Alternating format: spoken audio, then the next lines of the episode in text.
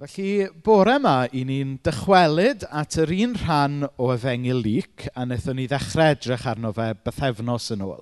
So, Lyc, penod 9, adnod 46 i 50. Dyma'r disgyblion yn dechrau dadlau. Pwy ohonyn nhw oedd y pwysica? Roedd Iesu'n gwybod beth oedd yn mynd trwy ei meddyliau. A gosododd blentyn bach i sefyll wrth ei ymyl. Yna meddai wrthyn nhw, mae pwy bynnag sy'n rhoi croeso i'r plentyn bach yma am ei fod yn perthyn i mi yn rhoi croeso i mi. Ac mae pwy bynnag sy'n rhoi croeso i mi yn croesawu'r un sydd wedi fy anfon ni. Mae'r un lleia pwysig ohonoch chi yn bwysig dros ben. Feistr, meddai Iwan. Gwelon ni rhywun yn bwrw allan gythreiliaid yn dy enw di. A dyma ni'n dweud wrtho am stopio am ei fod e ddim yn un o'n criw ni. Peidiwch gwneud hynny, meddai Iesu. Os ydy rhywun ddim yn eich erbyn chi, mae o'ch plaid chi. Nawr tro diwetha, pan ddechreuon ni edrych ar y rhan yma o efengil Luc, wnaethon ni ganolbwyntio jyst ar yr adnod gyntaf, lle mae'r disgyblion yn dadlem ymhith i gilydd pa un ohonyn nhw sydd bwysicaf. Ac adnod sy'n eitha doniol ar yr olwg gyntaf, Chi'n gallu dychmygu uh, y criw yma yn rhyw cael rhyw ddadl ymhlith y gilydd pa un ohonyn nhw oedd y pwysica fel rhyw fath o blant bach yn dadle pa un ohonyn nhw sydd talaf. Ond er bod ni'n chwerthin falle, mi oedd yna fater difrifol yma, sef agwedd i calon nhw. Mi oedd yna falchder, mi oedd nhw yn bobl oedd yn stryglo gyda balchder. Ac oedd Iesu wedi gallu gweld syth mewn i'w calonau nhw beth oedd y broblem. Sef pechod yn amlygu hun mewn balchder. A wnaethon ni fyfyrio rhywfaint ar y broblem yma. Da ni gyd rhywbryd wedi stryglo gyda balchder. Ac, ac o'n i'n rhannu gyda chi bod gweinidogion a pregethwyr yn stryglo gyda balchder fel unrhyw un arall. Ac mae e'n cael ei amlygu yn fwy aml pan i ni'n cwrdd â lan fel gweinidogion mewn cynhadledd um, gweinidogion. A mae rhywun yn gofyn i chi, faint sy'n y cwrdd dych chi dydd syl? A chi wastad yn rhannu yr high tide mac, nid no syl mis tachwedd. a balchder sy'n tu ôl hwnna, dy fe? Oedd um, Jeff Thomas gweinidog yn Aberystwyth wedi ymddeol erbyn hyn. Oedd Jeff wastad yn dweud, I always count when there's a lot of people there. Ac um, a Jeff yn onest iawn. Ac a mae balchder yn, yn taro pob un ohono ni weithiau. A problem balchder yw bod e fel plisgyn caled o'n hamgylch ni. Da ni ddim yn agored i gael yn dysgu. Da ni ddim yn agored i ddiw ddod mewn i ddelio gyda'n calon ni.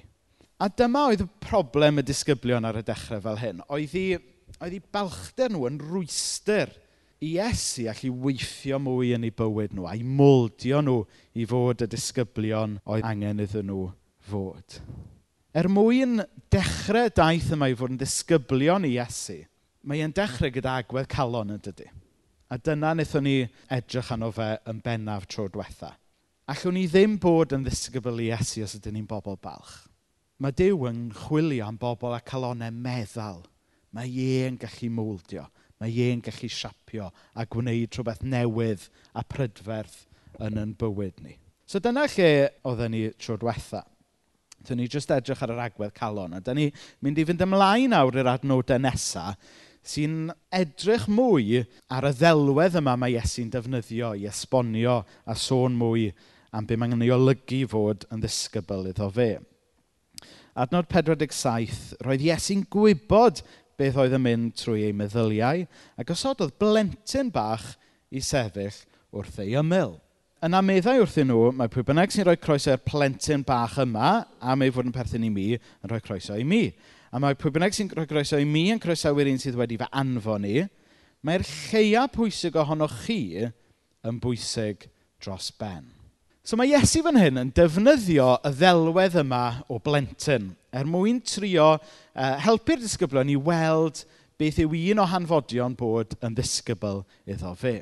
Er mwyn deall ergyd y ddelwedd yma, mae rhaid i ni gyd gamu mewn i dardus a mynd nôl mewn amser i amser y Beibl.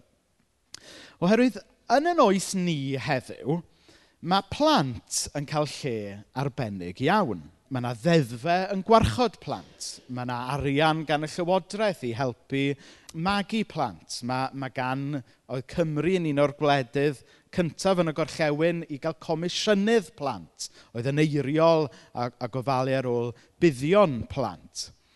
Ond yn amser y Beibl oedd yn wahanol. Doedd dim lle i blant mewn cymdeithas, yn debyg i'r ffordd oedd dim lot o le i ferched mewn cymdeithas.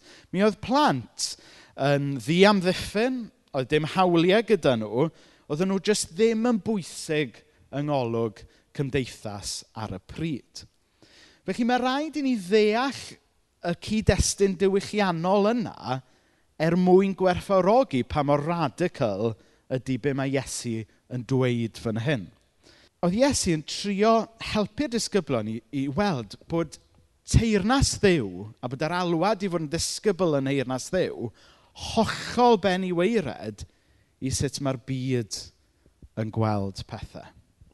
Rhan hanfodol o fod yn ddisgybl i Iesu oedd rhoi lle, rhoi croeso i'r union bobl oedd y byd ddim yn rhoi croeso iddyn nhw. A'r ddelwedd mae Iesu'n defnyddio fan hyn oedd plentyn. A mae hwn yn heriol iawn, ydy? Mae, mae e'n sôn bod bod yn ddisgybl mae e yn rhan o sut da ni'n byw a'n hagwedd a sut da ni'n bod. A mae Iesu'n mynd un cam ymhellach. Mae'n dweud bod rhywun sy'n rhoi croeso i'r plentyn neu'r lleiaf mewn cymdeithas, drwy hynny yn rhoi croeso i Iesu. A mae rhywun sydd yn rhoi croeso i Iesu yn rhoi croeso i Dyw y Tad. Nawr, mae'r ma, ffaith mae Iesu indirectly yn dweud fyna, dwi yn ddew, Um, felly oedd hwnna'n u- eitha shocking ac yn ddatgeliad mawr i'r diwylliant um, Iddewig ar y pryd.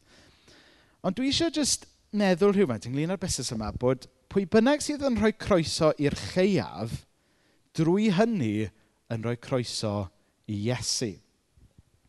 Hynny yw, beth sydd gyda ni fan hyn ydy'r yr her yma, mae un o'r camau, un o'r indications o fod yn ddisgwyl i Iesu, ydy ffordd chi yn trin pobl eraill, yn benodol ffordd da ni'n trin y lleiaf mewn cymdeithas.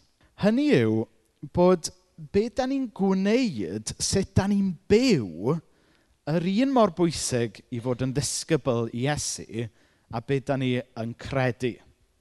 Nawr, cyn i chi feddwl mod i wedi colli y plot yn llwyr ac yn bradu y traddodiad diwygiedig Cymreig da ni yn rhan ohono fe, Trwy ffydd yn unig rydyn ni'n gadwedig. Ie. Yeah. Ond eto, nid dyna'r stori i gyd. Achos mae'r Beibl hefyd yn dysgu bod ffydd heb weithredoedd yn farw. Nid eich gweithredoedd chi, nid beth ydych chi'n gwneud sy'n neud chi'n iawn gyda Dyw. Ond eto, mae ffydd jyst fel rhywbeth yn y pen ddim chwaith yn iawn hefyd. Pa mae Iesu yn ceisio gwneud disgyblion ac yn chwilio am ei ddisgyblion, mae e'n poeni am beth da ni'n credu a sut da ni'n byw. A falle bod gwahanol draddodiadau chrysnogol weithiau wedi ysgaru y ddau beth yn ormodol. Nawr, chi'n mynd i gael chydig bach o eiriau mawr. Orthodoxy, sef um, credu y pethau iawn, orthopraxy, sut da ni'n byw fel yn iawn. Byw fel disgyblion Iesu. A chybod, mae rhai traddodiadau chrysnogol yn rhoi pwyslais i gyd ar orthodoxi, credu y pethau iawn. A wedyn rhai traddodiadau chrysnogol yn rhoi pwyslais i gyd ar orthopraxi. Wad nad, sut da chi'n byw sy'n bwysig? Ond gai grymu bod y Beibl yn dysgu bod y ddau beth yn bwysig.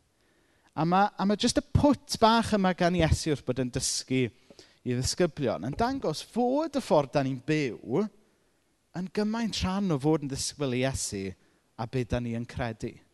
Mae cyfrinach teirnas ddew, beth ydy o fod yn ddisgwyl i teirnas ddew, rhwle yn y canol creadigol bler yma rhwng ffydd a byw mewn ffydd. Nawr dwi am roi mentro roi dau eglureb gyfoes i helpu ni ddeall y creative tension yma rhwng orthodoxy ac orthopraxi. Y cyntaf ydy, oedd hi'n ddydd Sant Ffolant dydd Iau, ac o'n i'n gweld ar Twitter, oedd ffrind i fi wedi, wedi tweeto yn dweud fod yna pimp dyn o'i flaenau yn y cyw uh, self-checkout y Morrisons, a bod pob un ohonyn nhw yn dal un eitem a rhosyn oedd pob un ohonyn nhw yn ei dal. Nawr, ydy'r dynion yma yn caru i gwragedd ac felly yn prynu rhosod, neu ydyn nhw'n prynu rhosod a drwy hynny yn caru i gwragedd? So, okay, think about that one, a bit philosophical. Ydy'r dynion yma yn caru eu gwragedd ac felly yn prynu rhosod, Neu ydyn nhw'n prynu rhosod a drwy hynny yn caru eu gwragedd? Y gwir amdani yw, does dim ffordd o sblitio y ddau mewn gwirionedd. Gwir gariad, dyw e ddim jyst yn deimlad ac yn rhywbeth da ni'n meddwl yn y pen. Mae'n rhywbeth da ni'n byw a mae yna weithredoedd yn dod gyda fe does. Os ydy hynna wir ynglyn â'n perthnasau ni efo'n gilydd, dyle fe fod yn wir ynglyn â'n perthynas ni gyda Dyw dyle be da ni'n credu ynglyn â Dyw a'n ffydd ni ddim fod wedi ysgaru oddi wrth sut da ni'n byw a'n gweithredoedd. Pan i ni yn y busnes o fod yn ddisgwyl i Iesu, mae'r ddau beth yn dod gyda'i gilydd ac allan o'i gilydd a trwy i gilydd. Dyma ddelwedd arall i chi. Dwi'n yn gwybod pwy sydd wedi bod yn rhwyfo ar gwch yn ddiweddar. Mae gan deulu ceinwen fusnes yn does o, o gychod rhwyfo. Acho, pan chi'n rhwyfo, mae gennych chi ddau rhwyf yn does. Tasach chi jyst yn rhwyfo un ochr, fyddwch chi jyst yn mynd rownd mewn cilch. So meddyliwch am yn cred a'n ffydd ni a'n galwad ni fod yn ddilynwyr a'n gweithredoedd ni fel dau rwyf gwahanol. Mae gyda chi'r orthopraxi, sut da ni'n byw, orthodoxi beth da ni'n credu, ac wrth rwyfo'r ddau, ewn ni ymlaen wedyn yn y daith o fod yn ddisgybl i Iesu. Os da ni'n rhoi'r yr holl bwyslais ar un ac anwybyddu'r llall, then ni jyst yn mynd rownd a rownd mewn cilch. Ond mae bod yn ddisgybl i Iesu yn cynnwys y ddau beth. Ffydd, beth da ni'n credu, ie. Yeah. Ond hefyd yr alwad i ni fod yn bobl sydd yn dilyn Iesu yn y ffordd da ni yn byw. Nawr, oedd y disgyblion, oedden nhw ddim cweith yn deall hyn. Er i Iesu egli, trio egluro fe iddyn nhw, Nhw dal ddim yn deall beth yw hanfod bod yn ddisgybl iddo fe. A maen nhw'n ymateb fel hyn adnod 49. Feistr, meddai Iwan, welon ni rhywun yn bwrw allan gythreiliaid yn denw di. A dyma ni'n dweud wrth o stopio. Am ei fod e ddim yn un o'n crew ni. So gai paraffreisio Iwan. Iesu, ti'n dweud fod modd adnabod pwy sy'n perthyn i ti, ar sail beth maen nhw'n gwneud. Ond mae'r boi na lawr y ffordd yn bwrw allan cythreiliaid yn denw di, ond allai beth bod yn perthyn i ti, achos dyw e ddim yn yn gang ni. A fan hyn, ni'n ni gweld Ioan yn neud yr un camgymeriad am y Cresnogion trwy yr oesoedd wedi gwneud. Sef meddwl fod ganddyn nhw fynopoli o pwy oedd yn gang Iesu. Oedden nhw'n meddwl mai jyst rhyw fath o fasgot yw gang nhw oedd Iesu. Ac er mwyn perthyn i Iesu, wel, yr rhaid nhw fod yn ei gang nhw. Ond nid yna yw'r newyddion da. Fe ddath Iesu Grist a myddeiant pechoda a'r newyddion da a bywyd newydd i bawb, o bob chwyth a phob cenedl. Daeth e ddim jyst yn newyddion da i un criw ac un gang o bobl yn benodol. Daeth Iesu'r byd gyda newyddion da i bawb, ond yn llawer hi aml mae ei ddisgyblion wedi droi yn newyddion mediocre i ychydig. Mae yna wir yn dydy. A'r gwir amdani yw yn llawer i aml, da ni fel Cresnogion heddiw yn gwneud yr un camgymeriad a Iwan. Da ni'n meddwl, wel, i bobl fod yn gristion go iawn, ie, yeah, oce, okay, falle bod nhw'n dweud bod nhw yn dilyn Iesu, falle bod nhw'n byw yn dilyn Iesu. O, dyn nhw ddim yn dod i capel ni. Dyn nhw ddim yn yn gang ni. Felly, sut allan nhw fod yn ddisgybl i Iesu? Dydy bod yn ddisgybl Iesu ddim ynglyn â perthyn i rhyw gryw neu rhyw gang arbennig. Mae ynglyn â perthyn i ddiw i hun. A mae hwnna'n mynd i edrych yn wahanol i wahanol bobl. Dwi'n meddwl bod yr adnodau yma a'r her ynglyn â beth mae e yn golygu fod yn ddisgybl i Iesu a beth mae e'n olygu berthyn i Iesu. Mae'n rhoi her genhadol i ni fel eglwys. Yn draddodiadol, falle oedd pobl yn gweld y llwybr mewn i'r eglwys grisnogol fel behave, believe ac yna belong. Hynny yw, mewn cymdeithas grisnogol, a rhai ohonych chi o'r criw hun yma, yng, wedi'ch magu yn y Gymru anghydffurfiol grisnogol. Y cam cyntaf oedd byw bywyd parchus. Oedd hwnna'n bwysig, oedd cael, cael eich gweld yn byw bywyd parchus. A wedyn oedd yna groeso i bobl, yn byw felly yn y capel. Wedyn, oeddech chi'n cael cyfle i edrych ar y ffydd a dod i gredu ac yna oeddech chi yn cael perthyn. Ond y broblem gyda hynna oedd mae wedi creu rhyw chip ar y, y cydwybod Cymreig. Mae'r oll ydy Cresnogaeth ydy pobl sy'n cadw rheolau. A bod rhaid i chi get it all together cyn y gallwch chi ddod at ddiw. Cyn y gallwch chi ddod, i'r capel i ddechrau, sôn am dod at ddiw. A, a mae'r agwedd yma, behave, believe, belong, wedi creu wedge mawr rhwng yr eglwys a cymdeithas yn gyffredinol. Ond gai awgrymu, mae model gwahanol dyn ni'n gweld gan Iesu ei hun yn y Beibl, sef belong, believe, behave. Trwy y Beibl, ni'n gweld fod Iesu yn rhoi croeso i'r bobl fwyaf rough and ready, pobl oedd ar y mylon cymdeithas, pobl oedd ddim eto wedi sortio i bywyd allan. A wedyn, mae Iesu'n delio gyda calon y person. A wedyn maes o law mae'r behef yn dod. Achos dyna sut mae newid pobl o'r tu mewn, tu allan. A'r llawer hi aml, da ni fel Cresnogion yn meddwl y gallwn ni newid pobl ffordd da ni'n byw, ffordd mae pobl eraill yn byw o'r tu allan. Ond mae Dyw yn y busnes o newid pobl o'r tu mewn, tu fas. Mae Iesu'n gallu newid calon rhywun. A wedyn, yn y daith o fod yn disgybl, newn ni ddysgu sut mae byw wedyn fel disgyblion iddo fe. Mae Dyw yn caru ni jyst fel i ni, ond mae Dyw yn caru ni gormod i'n gadael ni fel i ni. Belong, believe, behave. A mae hwn yn her i ni fel eglwys sydd eisiau bod yn eglwys genhadol. Mae e'n her i ni wrth bod ni'n mentro gyda pethau fel llan llanast. Le ni'n cael pobl yn dod i bethau sydd falle ddim gyda'r un cefndir diwylliannol, ddim yr un cefndir crefyddol â ni, ond da ni'n gweddio bod nhw yn cyfarfod y Dyw byw.